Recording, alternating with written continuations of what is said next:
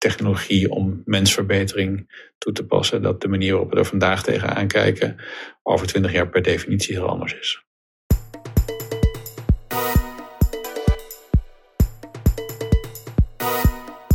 In deze podcast praat ik met professor Sjoerd Repping.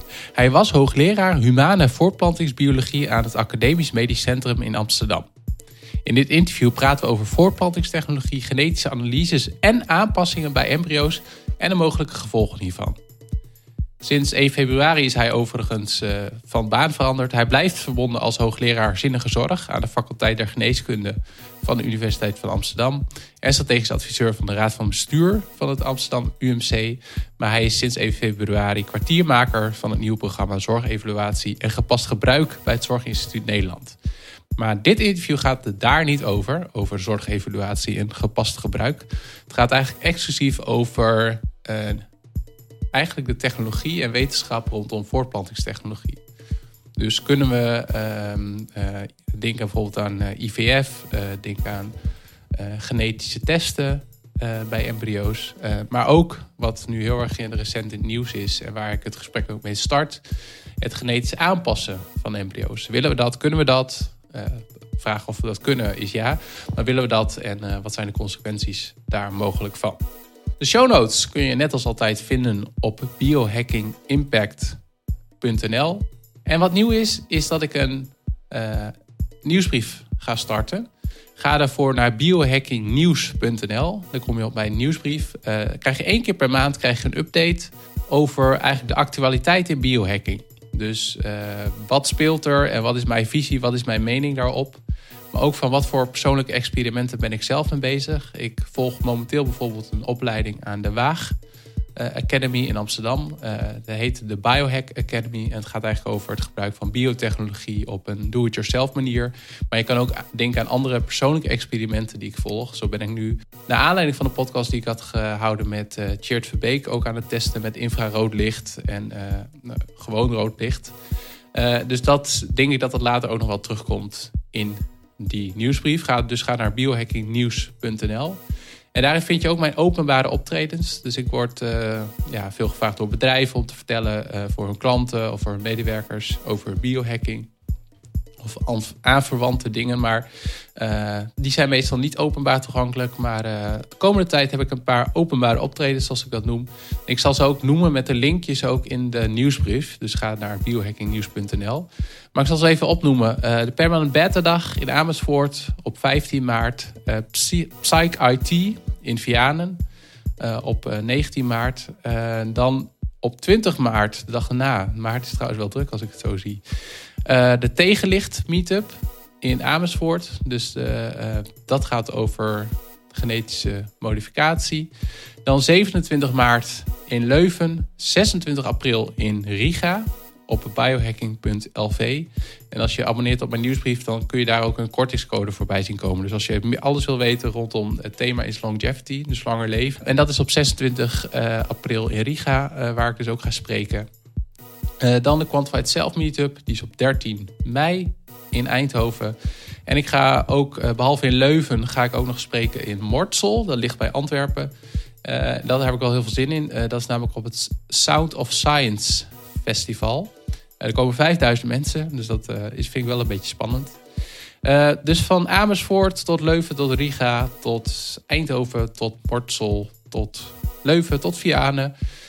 Als het iets te snel gaat, abonneer je op biohackingnieuws.nl en dan vind je ook alle linkjes. En tot slot, voordat we beginnen, natuurlijk nog aandacht voor mijn boek. je kan mijn boek nog steeds bestellen op biohackingboek.nl we hebben vandaag over een heel specifiek onderdeel van mensaanpassing, mensverbetering. Namelijk om dat al in embryonale staat te doen. Maar wat kun je dat nou uh, ook later in je leven mee doen? En wat heb ik allemaal geleerd van mijn persoonlijke experimenten? En een leuk nieuwtje voor jullie als uh, volgers van de Biohacking Impact podcast... is dat mijn boek ook tegenwoordig wordt gebruikt in de opleiding uh, Master... in de Master Human Technology Interaction van de Technische Universiteit Eindhoven. Dus dat ja, daar ben ik wel stiekem wel een beetje trots op. Dat mijn boek dus ook in een academische opleiding wordt gebruikt. Uh, wil niet zeggen als jij denkt van, saai, academisch. Uh, ik heb het boek op een toegankelijke manier geschreven, denk ik. Dus laat je er ook niet door afschrikken. kijk voor meer informatie en ook een, een gratis preview op biohackingboek.nl. Sjoerd, te beginnen denk ik, ehm, je bent de laatste tijd veel in de media. En over de laatste tijd, voor de mensen die het luisteren, eind 2018. Want niet zo lang geleden is in, uh, in China naar verluid zijn twee kinderen, twee baby's geboren die genetisch zijn gemodificeerd. Ja. En wat was het eerste toen je het las? Wat bij je opkwam? Ja, het, ik had er twee gedachten bij. Het eerste dacht ik, uh, het is zover. Uh, want dat het zou gebeuren, dat was wel iets wat, uh, wat de wetenschappelijke community wel had verwacht. Omdat het technisch haalbaar was om het te doen. Maar ik was wel verbaasd en uh, enigszins geschokt dat het toch nu al zover was. Omdat de merendheid van de mensen vindt dat het eigenlijk niet te vroeg is om het klinisch toe te passen. En deze meneer had dat toch wel gedaan. Het was eigenlijk heel gek, want ik, had op maandag was dat bericht kwam het in het nieuws. En het was niet een wetenschappelijke publicatie of zo. Of een journalist die me belde die wat had gezien. Het was een YouTube filmpje wat ik toegestuurd kreeg van deze meneer zelf. Uh, en daarna hebben we natuurlijk pas twee dagen later uh, zijn presentatie gezien in Hongkong. Um, maar dat is ook het enige wat er is. Dus het is een beetje een gekke manier waarop wetenschappelijke kennis tot je komt via een YouTube-filmpje. Had ik nog niet eerder meegemaakt. Nee, nee. En dat filmpje is hier, is hier ook eigenlijk heel opgewekt. Hè? En heel, uh, die meneer Hey ja. eigenlijk. Ja. ja. Ja, hij is eigenlijk wel, wat hij zegt, is, er is duidelijk aan gewerkt. Volgens mij heeft hij met Associated Press al wat langer uh, van tevoren uh, contact gehad en daar is dat filmpje uit ontstaan. Het was een soort haast gescripte tekst uh, door een Engelstalig iemand, denk ik dan. Mm -hmm. maar ja, hij zegt wel hij zegt dat hij er trots op is. hij zegt ook wel dat hij, dat hij beseft dat er commotie over zal ontstaan. maar zoveel commotie had hij misschien niet helemaal ingeschat, denk ik. Nee, nee. En jij bent, ehm, als ik het goed zeg, hoogleraar humane voortplantingstechnologie ja. aan, de, aan het AMC, of hoe moet ik dat zien? Uh, want je bent werkzaam in het AMC. Klopt, ja. Maar ben je, heb je daar dan ook een aanstelling? Ja, ik heb eigenlijk twee uh, functies wat dat betreft. Ik ben, ben hoogleraar, en dat, dat ben je al bij de universiteit. Dus ik ben hoogleraar humane voorplantingsbiologie aan de Universiteit van Amsterdam. Uh, en ik ben hoofd van de afdeling voorplantingsgeneeskunde van het AMC. Ja. Of het Amsterdam UMC, zoals we tegenwoordig heten. Ah, oké, ja. En um, um, eigenlijk komt humane voortplantingstechnologie steeds meer op mijn, laat ik zeggen, professionele radar. Want ik en mijn vriendin hebben nog geen kinderen en ook geen concrete plannen om het te doen. Maar ik denk wel van als dat gebeurt, dan hebben wij zeg maar ook al veel meer mogelijkheden dan, laat ik zeggen, 30 jaar geleden met, uh, uh, met PGD, et cetera. Ja. ik moet, uh, struikel altijd over de woorden. Ja, ja. Pre-implantatie. Genetische diagnostiek, ja, PGD. ja. En, uh, maar er is nu ook een hele discussie uh, aan de hand. En dat speelde ook al eerder uh, dan zeg maar de casus in, uh, in China over het, over het doen van genetische testen en genetische bewerkingen op embryo's. En dat mag ook nu tot een aantal dagen. Kun je dat uh, uitleggen? Want ik uh, snap dat niet helemaal hoe dat zit. Nee. Nou, misschien moeten we eerst even beginnen met het uitleggen wat, wat PGD eigenlijk is. Dus, dus PGD is een behandeling voor patiënten die niet zozeer onvruchtbaar zijn, maar die een grote kans hebben om een kind te krijgen met een erfelijke afwijking.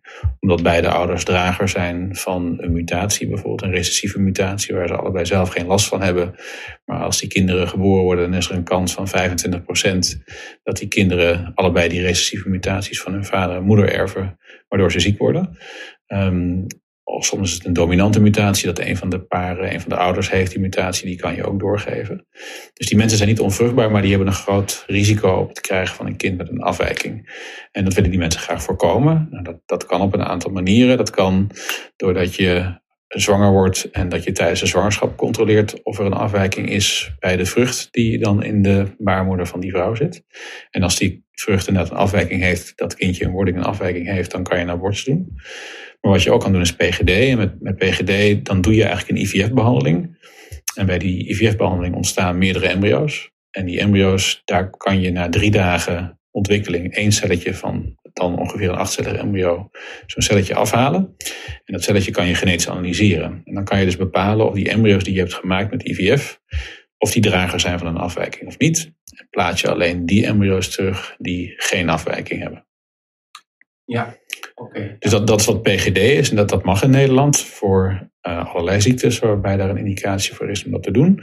Uh, en dat betekent dat doen we ongeveer 500 keer in Nederland per jaar. In Amsterdam en Utrecht, in Groningen en in Maastricht.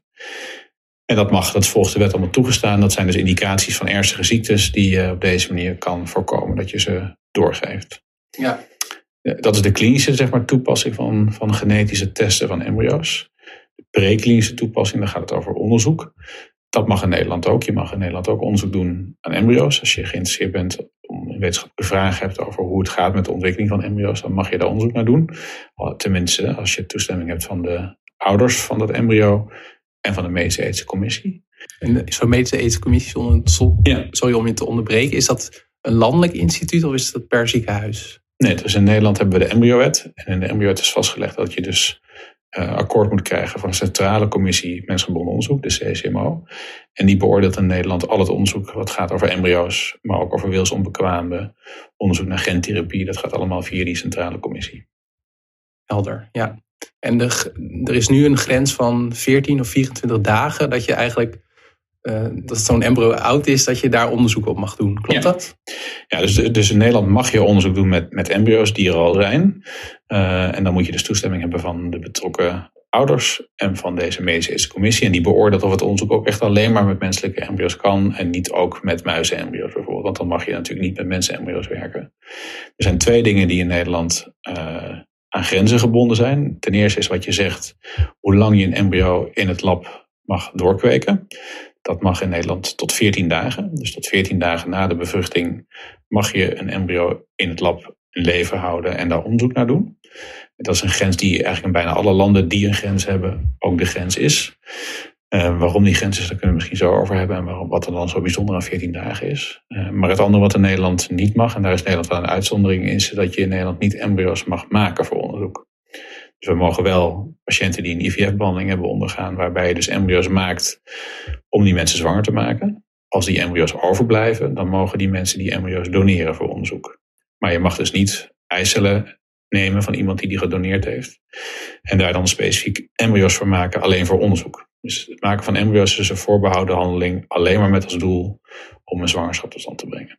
Ja, en dan uh, inderdaad die vraag van 14 dagen. Waar is die 14 dagen grens op gebaseerd? Ja, dat is ingewikkeld omdat er moest een grens worden vastgesteld. Want als er geen grens zou zijn, dan zou je theoretisch uh, een heel mens kunnen maken in het laboratorium. Dat, dat kan helemaal technisch niet. Die grens is al een flink aantal jaren geleden vastgesteld. Uh, een beetje vanuit het idee dat je dan een soort van differentiatie van een embryo zou hebben. Dat er misschien een beginnend vorm van een neurale buis is, wat dan het aanleg van een zenuwstelsel zou kunnen zijn. Um, nou is dat best wel een hele fictieve grens, uh, die 14 dagen. En dat was nooit een probleem, omdat embryo's kon je eigenlijk niet heel veel langer dan zeven dagen in leven houden in het laboratorium.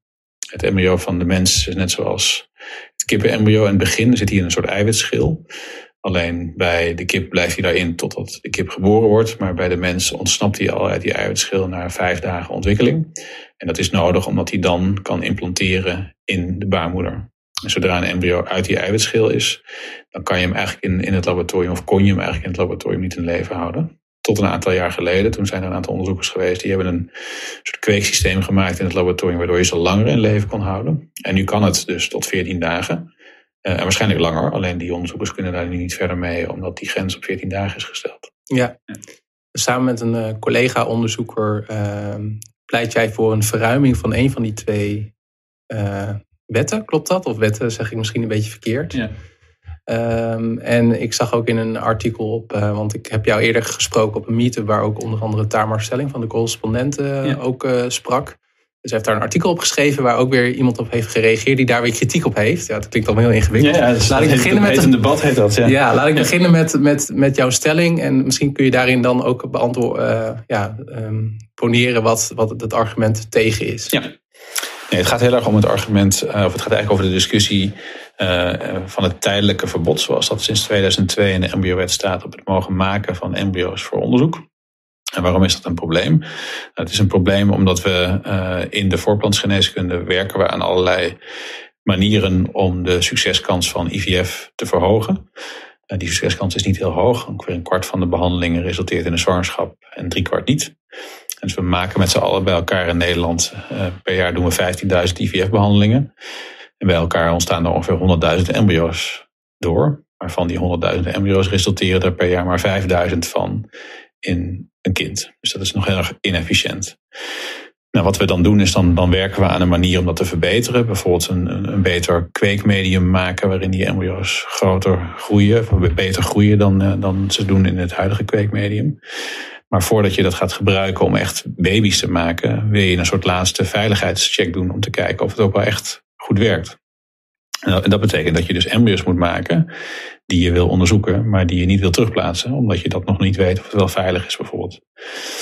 Dat betekent dat je dus uh, zo'n nieuw kweekmedium, uh, nadat je dat hebt getest met een, muizenexperimenten of hebt getest met restembryo's van IVF die al vier dagen oud zijn, wil je dat ook nog even doen met embryo's die je specifiek hebt gemaakt om in dat kweekmedium te zitten tussen dag 0 en dag 3 van de ontwikkeling. Dat mag alleen in Nederland niet. Dus je mag niet uh, embryo's maken specifiek voor onderzoek. Mm. Dat belemmert dus onderzoek naar de effectiviteit en veiligheid van huidige behandelingen. Niet alleen dat het daar ingewikkeld is, maar ook voor nieuwe behandelingen die daar aankomen. En dan is kiembaan gentherapie een heel ver weg iets. Goed, nu iets dichterbij. Omdat Want dat is ook eigenlijk wat... Die, wat Oké, ja. ja, dus in dat experiment van, uh, van deze Chinese collega... die, die heeft ook embryo's gemaakt uh, die hij niet heeft teruggeplaatst... in eerste instantie om te kijken of hij het kon. Uh, en dat is ook een noodzakelijke veiligheidsstap. Alleen heeft dat, heeft dat heel beperkt gedaan. en het was eigenlijk nog niet veilig, maar heeft het toch klinisch toegepast. Maar we werken bijvoorbeeld ook aan een andere behandeling... voor jonge jongens met kanker, dus kinderen met kanker, die uh, worden vaak onvruchtbaar door de chemotherapie die ze krijgen. En wat we bij die jonge jongens doen, is een klein stukje testisweefsel invriezen, uh, voordat zij chemotherapie krijgen. En in dat testisweefsel zitten stamcellen, die uiteindelijk in de rest van het leven van dat jongetje zaadcellen zouden gaan maken. Die vriezen we in, die bewaren we. En als die jongen dus onvruchtbaar is geworden door de chemotherapie, dan uh, werken we aan een methode om die stamcellen in het laboratorium te vermenigvuldigen. En dan weer terug te plaatsen bij die inmiddels volwassen geworden meneer die geen kinderen kan krijgen. En dan is de bedoeling dat die stamcellen weer naar de juiste plek gaan in de testes en weer zaadcellen gaan maken. Nou, dat werkt bij muizen, bij ratten, bij stieren, zelfs bij apen. Er is aangetoond dat dat werkt. En we zijn nu eigenlijk met dat laatste stapje bezig om te kijken, kunnen we dit nu ook bij mensen gaan doen? Dus bij mensen kunnen we die stamcellen ook vermenigvuldigen. Uh, die lijken er goed uit te zien voor zover we dat kunnen bekijken. Uh, dus we gaan binnenkort een transplantatie doen bij iemand. Alleen het is nog wel even spannend of die zaadcellen die die meneer dan gaat maken, of die wel echt gezond zijn. Kijk, 500 muizen maken met zo'n methode is toch net even wat anders dan één mens maken. Dus daar willen we eigenlijk ook een laatste veiligheidscheck doen. Van die meneer gaat dan zaadcellen maken als het goed is. Kunnen we met die zaadcellen embryo's maken? Zien die embryo's er gezond uit. En als dat zo is, dan zeggen we oké, ga maar een baby maken. Maar dat laatste veiligheidsstukje van het testen van de kwaliteit van die zaadcellen door embryo's te maken voor onderzoek, kom je op diezelfde barrière uit dat het dus niet kan, omdat dat niet mag in Nederland. Mm, ja. En dat belemmert dus zowel het uh, toetsen van de veiligheid en effectiviteit van huidige behandelingen, als het toetsen van de veiligheid en effectiviteit van, van toekomstige behandelingen. Ja, ja, en de kritiek op dat wat mij in mijn ogen wetenschappelijk valide argument is eigenlijk. Dat, en dan moet ik even goed zeggen, dat, het, dat, dat jullie vanuit die wetenschap eigenlijk al de parameters voor een maatschappelijke discussie willen vastleggen. Terwijl mensen zeggen van ja, we moeten het eigenlijk in als ik, zoals ik het heb vertaald in een bredere context bekijken. Ja. Hoe eh, kijk jij daarnaar? Kijk, als het over die gen, genetische modificatie gaat, dan, dan spelen daar twee, twee dingen in. Eigenlijk spelen bij al die debatten over voorplantstechnieken twee dingen. Enerzijds heb je het over de veiligheid en effectiviteit. En anderzijds heb je over waar je het voor gaat toepassen. Uh, en bij die kiemba-modificatie is dat laatste is ingewikkeld. Maar als ik het heb over het verbeteren van de huidige IVF-behandeling, dan hoeven we daar niet heel lang een discussie over te voeren dat het een nuttig iets zou zijn. Al is het maar omdat van die 100.000 embryo's er maar 5.000 tot de geboorte van een kind leiden. En dus dat, dat is ook een breed en alom uh, door de maatschappij geaccepteerde methode. Dus als je zegt, oké, dat is maatschappelijk geaccepteerd, dat je IVF beter wil maken uh, of veiliger wil maken, dan zou dat ook een reden moeten zijn waarom je dan die embryo's zou moeten maken voor onderzoek. Bij kiembouwmodificatie is het wat ingewikkelder, omdat daar de maatschappelijke discussie nog lang niet zo ver is dat iedereen zegt, nou dat gaan we even lekker bij iedereen doen. Mm. Uh, daar is veel meer een discussie over waar zou je het voor moeten toepassen. Um, en, en, en, een soort angst dat we straks alle mensen gaan verbeteren of uh, perfectioneren. Ja. En daar zou dan de discussie over moeten gaan. Er zijn sommigen die zeggen, je moet het gewoon, we, we willen dit niet. Ja. Ja, dat kan, maar maar jij zegt van eigenlijk, als ik, zoals ik het vertaal, je moet ook kijken naar doelbinding. Dus op het moment dat het voor een heel specifiek doel is waar eigenlijk maatschappelijk al consensus over is, dan zou je daar ook niet, ja, zou je dat gewoon kunnen toepassen. En jij zegt dan, dit is fout om dan gelijk alle deuren dicht te doen. Nou, en het is, het is compleet irreëel. Want je kan wel zeggen, we willen dit niet. Ja, dat, dat is zo. Uh, of dat kan zo zijn. Maar het is er. Die behandeling bestaat. En dan kan je veel beter met, met elkaar een discussie voeren waar je het wil voor toepassen. En ook denk dat je daar best wel snel consensus over hebt. Als je het hebt over de hele ernstige aandoeningen waar nu geen behandeling voor is. Hè. Dus mensen misschien die alleen maar embryo's maken met een genetische afwijking. Nou, die zou je dan misschien kunnen helpen met zo'n kiema-modificatietechniek. Ook daar zal denk ik draagvlak voor zijn van, van het merendeel van de mensen om die mensen te helpen om een genetisch gezond kind te krijgen mits de behandeling effectief en veilig is. Dat vind ik eigenlijk een non-discussie, want dat moet een voorwaarde zijn. Anders mag je het voor niemand toepassen, hoe ernstig de indicatie ook is. En dat is een veel betere discussie dat je zegt, oké, dat, dat moeten we dan doen. Uh, maar vervolgens moet je wel met elkaar vastleggen. En, en dat is een ongoing proces waar je het voor wil toepassen. En dan kan het nu zijn dat we zeggen, alleen maar voor die mensen die helemaal geen alternatief hebben.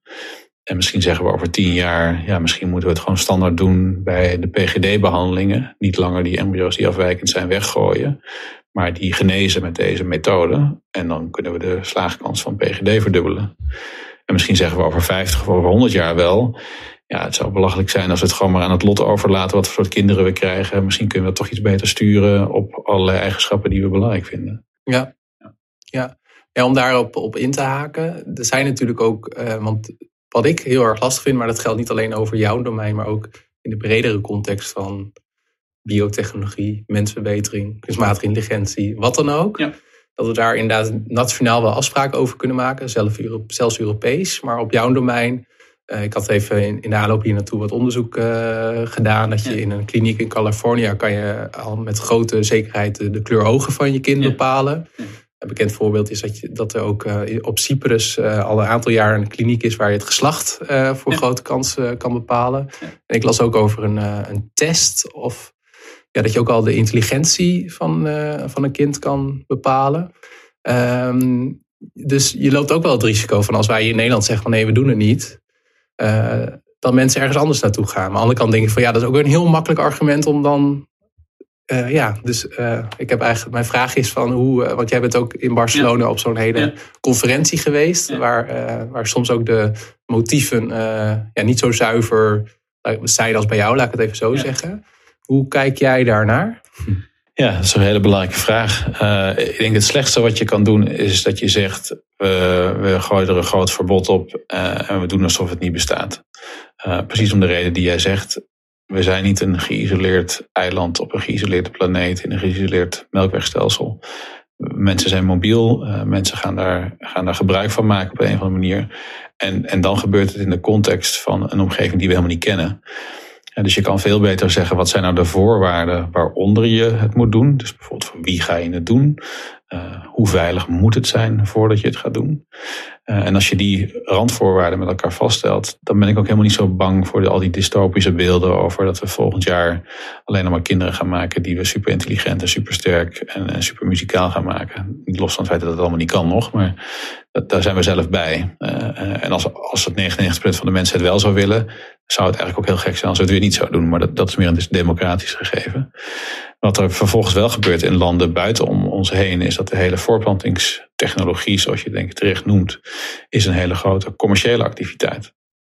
Ook deze meneer Hey, en dat, dat maakt ook wel die discussie weer ingewikkelder waarom hij het nou gedaan heeft. Die heeft al tientallen miljoenen euro's van investeerders gekregen voordat hij dit ging bekendmaken. Om met zijn bedrijf dit soort technologieën te gaan doen. En wat je dan krijgt, is ook wat je ziet met IVF en eigenlijk alle andere aangelegen zaken in de voorplanting, is dat het een commerciële markt wordt. Ja, en ik, ik weet niet hoe jij over de commerciële markten denkt, maar die hebben als primaire doel geld verdienen. En dat dat misschien niet zo effectief en niet zo veilig is ja, als het maar verkoopt. Dat lijkt me helemaal een slechte situatie. Dus als wij doen alsof het niet bestaat en we laten de commerciële jongens in het buitenland technieken maken die wij onveilig vinden, waarvan we de toepassing niet succesvol achten, die vervolgens wel dat allemaal gaan doen, ja, dat is volgens mij niet een wereld waar we in zouden moeten leven. Ja, ja. ja en het lijkt, lijkt mij dat inderdaad de drijfveer van uh, ouders die, of mensen die ouders willen worden ook uh, gigantisch is. Dus er is ook natuurlijk uh, ja, vanuit die markt veel, veel initiatief, laat ik het zo zeggen. Ja, dat zien we nu al met IVF. Hè. Dus, dus kijk, in Nederland doen wij behandelingen bij patiënten die, uh, die dat nodig hebben om zwanger te worden. Uh, en dat is hartstikke fijn, hartstikke goed. Het is goed gereguleerd. We hebben een goede embryowet wat dat betreft. We hebben vergunningenstelsel over wie je wel en niet die behandelingen mag aanbieden. En, en, maar we doen niet alles. En waarom doen we niet alles? Ja, omdat sommige dingen gewoon helemaal niet werken. Terwijl ze wel heel veel geld kosten. Nou, daar zijn we dan open en eerlijk over. Maar het is best wel een ingewikkeld gesprek als jij met een patiënt voor je zit en zegt: Ja, maar ik heb op internet gezien dat uh, deze behandeling in Spanje is. En die zeggen allemaal dat je twee keer zo snel daar zwanger van wordt. Waarom doen jullie dat niet? En dan zeggen wij: Dat doen we niet, omdat het niet werkt. En omdat er geen bewijs is dat het werkt. Nou, jullie zijn conservatief. Mm. Nee, we zijn niet conservatief. Uh, we doen dingen wat zinnig voor u is. En als het niet zinnig voor u is, dan gaan we het gewoon niet doen. Uh, en als we het niet weten, dan gaan we het uitzoeken. Dus er gebeurt in Nederland heel veel onderzoek naar dat soort nieuwe behandelingen, of ze wel werken of niet. Helaas komt er heel vaak uit dat het niet zo is. Uh, en dan doen we ze niet meer.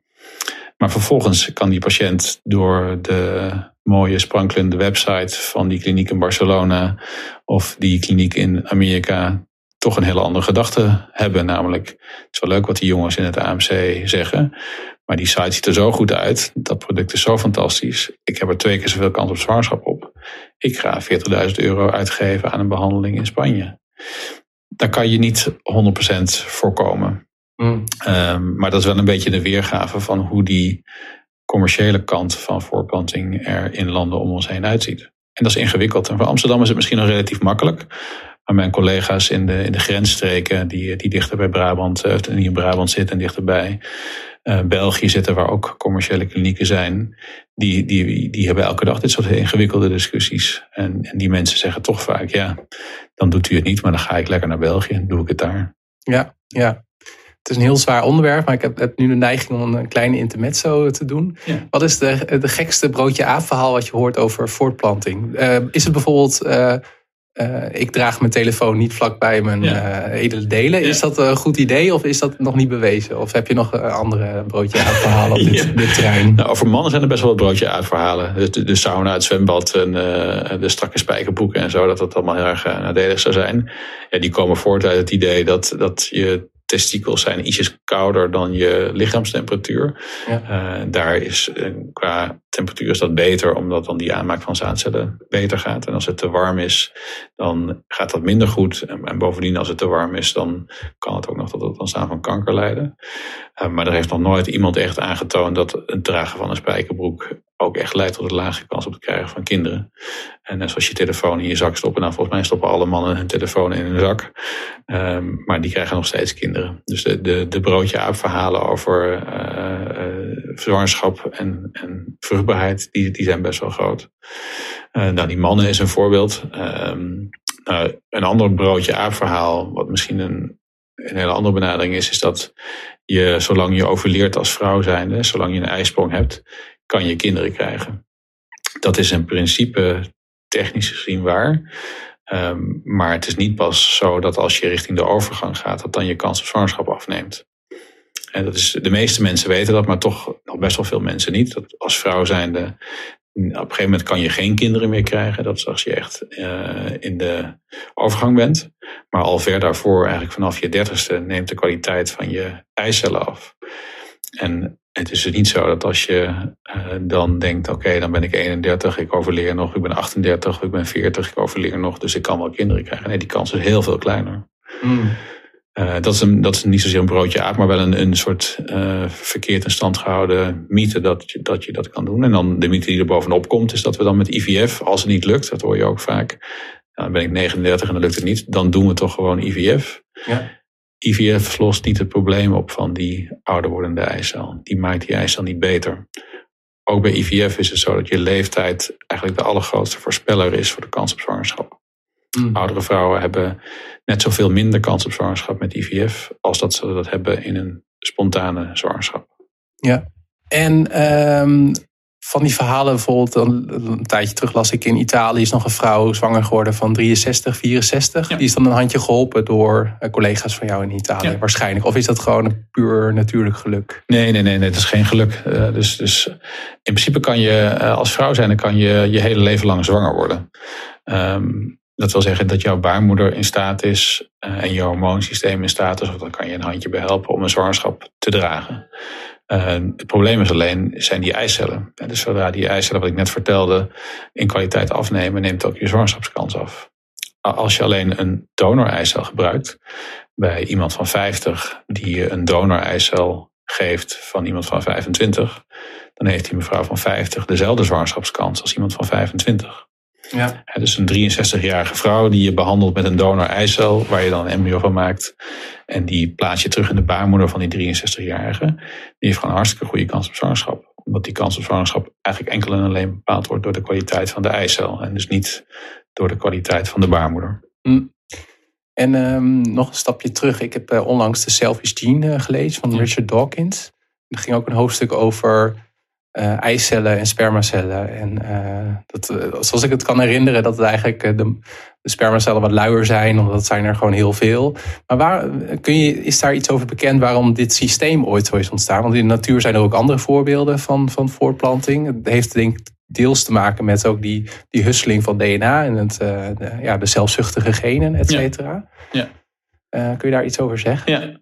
Nee, dus er zijn uh, overeenkomsten en hele grote verschillen tussen mannen en vrouwen in dit geval. Dus, dus mannen en vrouwen allebei, die husselen hun DNA tijdens het maken van uh, haploïde cellen. Dus het maken van een zaadcel bij mannen of het maken van een eicel bij vrouwen. Dat zijn allebei eigenlijk dezelfde uh, moleculaire mechanismen die, die leiden tot een husseling van DNA bij zowel mannen als vrouwen.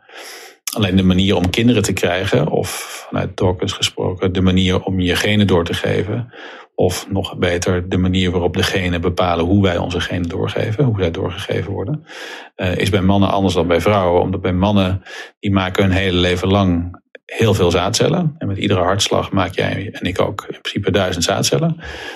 Terwijl je die echt niet nodig hebt voor die één, twee of drie kinderen die je misschien in je leven wil.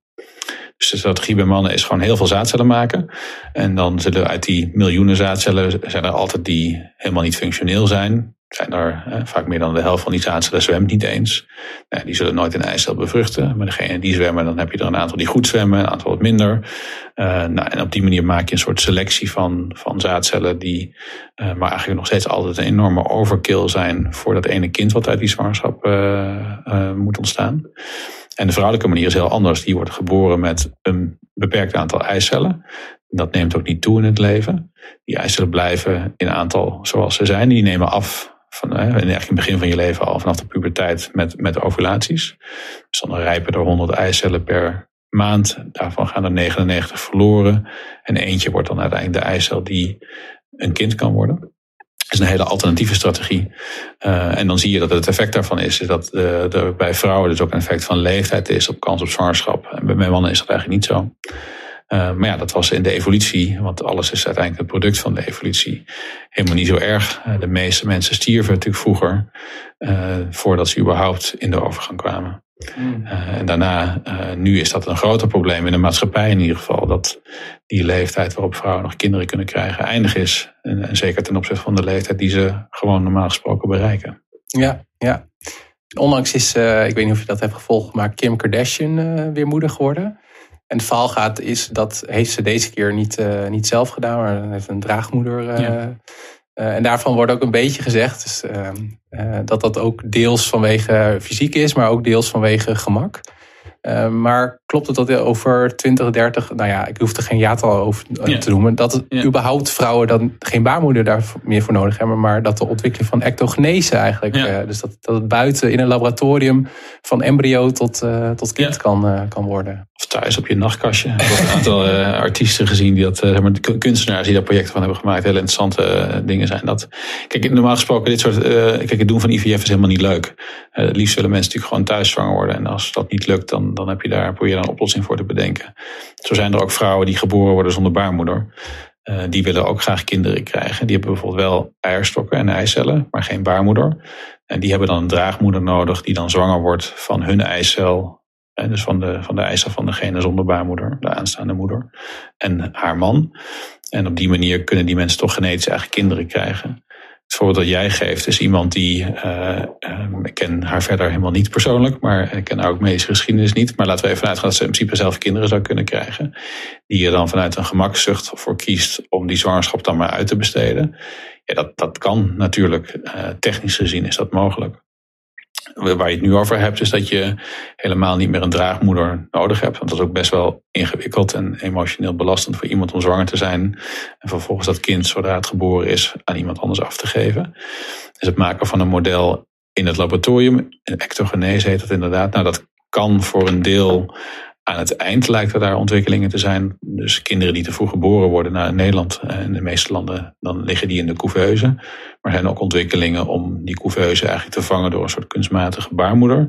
Dus met schapen zijn daar, is daar onderzoek naar gedaan eh, met lammetjes die uh, op die manier in de laatste eh, twaalf weken van hun zwangerschap in het laboratorium in een soort baarmoeder hebben gelegen. En aan de beginkant, wat we net in het begin zeiden, zijn er dus mensen die werken aan het langer kunnen doorkweken van embryo's. Maar nu is tussen twee weken een embryootje van misschien een paar millimeter en een geboorte van een kind zitten nog heel veel ingewikkelde lange termijn processen. Ja. Als dat gaat lukken, ja, dan zou je, uh, zou je kunnen voorstellen dat het volledig buiten het lichaam kan. Maar dan is weer de vraag, waarom zou je dat doen? Ja. Kijk, als je geen baarmoeder hebt, kan ik me dat voorstellen. Dus dat geldt voor, de, voor vrouwen die geboren worden zonder baarmoeder. Er zijn ook mensen die zeggen, ja, misschien kan het dan ook voor homoparen die ook geen baarmoeder hebben. Maar ik denk dat we nog heel ver af zijn als het überhaupt ooit gaat gebeuren. Dat iemand zegt, nou ik wil niet gewoon zwanger zijn negen maanden, maar doe dat maar op een nachtkastje. Daar is de noodzaak natuurlijk veel minder voor. Kijk, als je geen baarmoeder hebt, dan heb je geen andere keus. Maar gewoon thuis spontaan zwanger worden en thuis en in je omgeving, in je eigen buik, dat kind laten groot groeien. Dat is namelijk het product van miljoenen jaren evolutie. Dat gaat dus eigenlijk bijna altijd goed. Ja. Uh, dat zie ik niet zo 1, 2, 3 vervangen worden door een nachtkastje. Nee. En um, ik heb ook gelezen dat jij uh, internationaal toponderzoeker bent op, op het gebied van embryonale stamcellen. En daar moest ik aan denken toen je net zei van nou, als, twee, als een homopaar bijvoorbeeld ook een kind wil hebben. Uh, want het zijn nu ook allemaal, um, als ik de, de, de, medische literatuur kan geloven, uh, moet geloven, ook ontwikkelingen dat je bijvoorbeeld op basis van huidcellen ook sperma en eicellen kan maken. Ja. hoe, uh, ja, werkt dat zo simpel? Of, of het concept is inderdaad zo dat je ja. dan vanuit een huidcel een, ja. zo'n cel kan maken? Ja, het concept is in principe simpel. Eigenlijk is bevruchting en het maken van embryo ook simpel. Het is het samensmelten van twee kernen die de helft van je moederlijke DNA en de helft van je vaderlijke DNA bevatten. Uh, en, en, daar hebben we voor in de evolutie iets uitgevonden, dat heet een zaadcel en een eicel. Um, nu is het zo dat sommige mensen geen eicellen hebben, uh, sommige mensen hebben geen zaadcellen. En dan wordt er gewerkt aan technieken om die mensen toch aan genetisch eigen kinderen te helpen. En bij muizen lukt het inderdaad dus om uit huidcellen stamcellen te maken. Nou, dat is een inmiddels bekende technologie. Meer dan tien jaar geleden is daar de Nobelprijs voor uitgegeven. Het maken van stamcellen uit somatische cellen. IPS-cellen heet dat. Uh, en er zijn nu ook protocollen om uit die IPS-cellen dan een zaadcel te maken. Of uit die IPS-cellen een eicel te maken. Bij muizen werkt dat dus.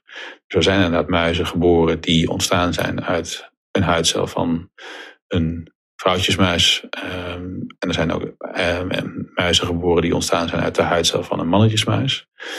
En je kan je voorstellen dat als we die technieken ook bij mensen zouden kunnen toepassen, dat je straks ook bij mensen uit stamcellen eicellen of zaadcellen zou kunnen maken. En dat zou bijvoorbeeld, wat we net zeiden, dat grote, niet zozeer broodje aap, maar probleem bij menselijke voorplanting is die afnemende kans op zwangerschap met toenemende leeftijd van de vrouw. Dat als je straks in plaats van IVF moet doen met oude eicellen van 40 jaar, je jonge eicellen zou kunnen maken uit stamcellen, zou dat wel eens veel, veel efficiënter kunnen zijn dan gebruik te moeten maken dan van die, van die oude eicellen. Ja, ja. ja. Ja, ik beeld me dan ook allemaal dystopische toekomstvisies in. Uh, Heather the Way Hackborg, ik weet niet of je haar kent, dat is een kunstenares. Die heeft uh, DNA-samples verzameld van sigarettenpeuken en nagels en haren. En heeft ze dan DNA van gesequenced en daar portretten van gemaakt en die in musea gehangen. zou je ook kunnen voorstellen uh, dat je op die manier ook, nou ja, dat is wel heel de soort DNA pakt, daar een, een stamcel of eicel, ja. Jij ziet voor je dat, uh, dat, dat, dat, jij hier weggaat en dat er dan nog een huiscel van je op je stoel zit. En dat ik daar stiekem een zaad van maken. En dat er over negen maanden een kind van jou is zonder je. Zonder, ja, ja, ja, dan, ja. ja, ja Los van het feit dat ik die intentie niet heb, is dat uh, nog wel ingewikkeld om uit een. Je moet echt een biopt van weefsel hebben. Ja. Maar ja, ja als, je toch, als je het over Dawkins hebt en je hebt het over genen ja, dan gaat het dus eigenlijk over het doorgeven van je genen. En uiteindelijk is dat wat ik zei, technisch gezien is het ingewikkeld, maar rationeel gaat het over een genenpakketje van één iemand en een genenpakketje van een ander iemand die je samenbrengt. En dat heet dan een nieuw individu en een nieuw leven. Ja. Uh, ja, en die mogelijkheden die, die er nu zijn en die er gaan komen, om dat op allerlei andere manieren te doen dan thuis in bed, die, die zullen er komen. Ja. Uh, alleen de vraag is, nogmaals wat ik ook zei, Waarom zou je dat doen? Waar is het voor nodig? En wat zou je eraan hebben? En zolang die vragen alleen maar over een heel beperkt groepje mensen gaan, of over een heel klein deel van mensen die echt een erfelijke afwijking hebben, dan is het allemaal niet zo spannend. En ik zie niet 1, 2, 3 in waarom de hele samenleving zou besluiten, in ieder geval niet nu, om uh, de manier van kinderen krijgen die er nu voor het merendeel van de mensen geldt, namelijk thuis in bed, dat je die zou vervangen door een stamcel uit een huidcel en dan vervolgens op een nachtkastje zetten en dat dan op die manier laten doen. Ja, iets anders dan. Um, jij bent hoogleraar humane voortplantingstechnologie. Ja. Um, een paar weken geleden mocht ik het openingspraatje doen voor de documentaire Genesis 2.0 op ITVA Groningen. En dat gaat over een, uh, een, leuke documentaire, interessant wat mij betreft, over een aantal wetenschappers en een aantal, laat ik zeggen, avonturiers die de mammoet wil herintroduceren. En dan gaan ze ook naar de kliniek in Zuid-Korea, waar je ook je hond kan klonen voor uh, 100.000 dollar. Ja. Um, um, kijk je daar ook naar en denk je van, is dat ooit realistisch? Dat we Jurassic Park of mammoeten weer krijgen? Ja. Ja, soms denk ik wel eens dat die, al die science fiction boeken en films die we geschreven hebben, dat, uh, ja, daar zit natuurlijk een, een, soort drang achter van sommigen om dat echt te gaan doen. Mm. Uh, en als de techniek ontstaat, uh, ja, dan, dan zou dat zomaar eens kunnen. Het is wel best nog wel ingewikkeld. Uh, want een stukje DNA van mammoeten, dat is niet zo ingewikkeld. Maar een hele levende cel van een mammoet, volgens mij hebben we die niet echt meer. Dan zijn er mensen die zeggen, dan kunnen we misschien het olifanten DNA zo manipuleren dat het toch weer een ja. mammoet wordt. Ja, dat, dat zou technisch gezien misschien ooit een keertje kunnen. Uh, maar of het moeten willen en of iemand er geld aan uit wil geven. Ik geloof dat er nu op dit moment ook een of andere sportauto voorbij Mars aan het vliegen is. Kan je ook afvragen wat daar het nut van is. Maar er is iemand die heeft er heel veel geld voor. En die doet dat dan dus gewoon. Dat zou met dit soort dingen in theorie natuurlijk ook gewoon kunnen gebeuren. Ja, ja. Dus wat dat betreft is de toekomst, uh, als ik het zo samenvat, van we moeten sowieso opletten van waarom willen we het. En er kan al veel in de wetenschap, maar er zijn ook wel veel haken en ogen nog steeds.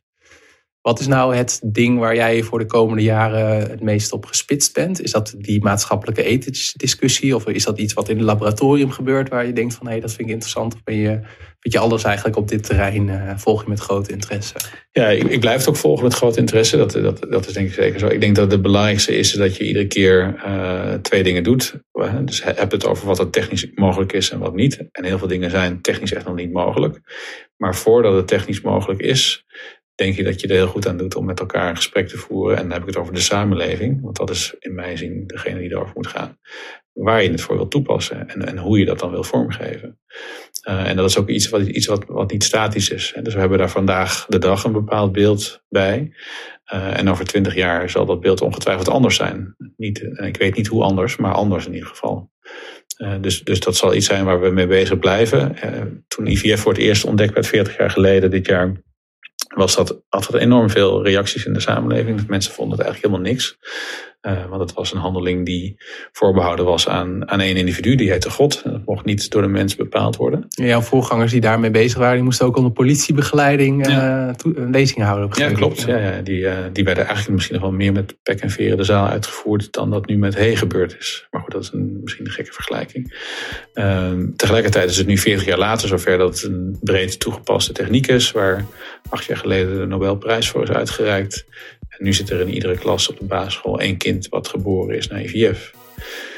Daarmee zeg ik niet dat over 40 jaar er één, klas, één kind per klas is wat geboren is naar genetische modificatie. Maar, maar zeg wel dat de manier waarop we tegen dit soort dingen aankijken. En dan is het misschien wel heel breder over technologie om mensverbetering toe te passen. Dat de manier waarop we er vandaag tegen aankijken over 20 jaar per definitie heel anders is.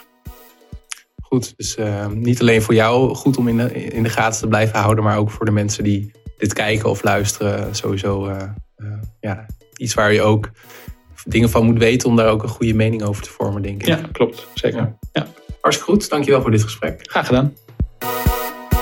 Bedankt voor het luisteren naar deze podcast. Mijn vraag voor jou voor deze keer is: hoe ver zou jij en je partner natuurlijk hierin willen gaan? Als je partner hebt trouwens. Dus hoe ver zou je hierin willen gaan? Stopt het voor jou bijvoorbeeld bij, als het niet lukt, dan geen IVF? Uh, zou je bijvoorbeeld het DNA van jezelf en je partner willen analyseren voordat je uh, kinderen wil krijgen? Wil je al genetische testen doen bij het embryo? Of wil je misschien, net als meneer Hey heeft gedaan, waar we het interview mee begonnen, al genetische aanpassingen kunnen doen in je nageslacht? Je wilt immers het beste voor je kind.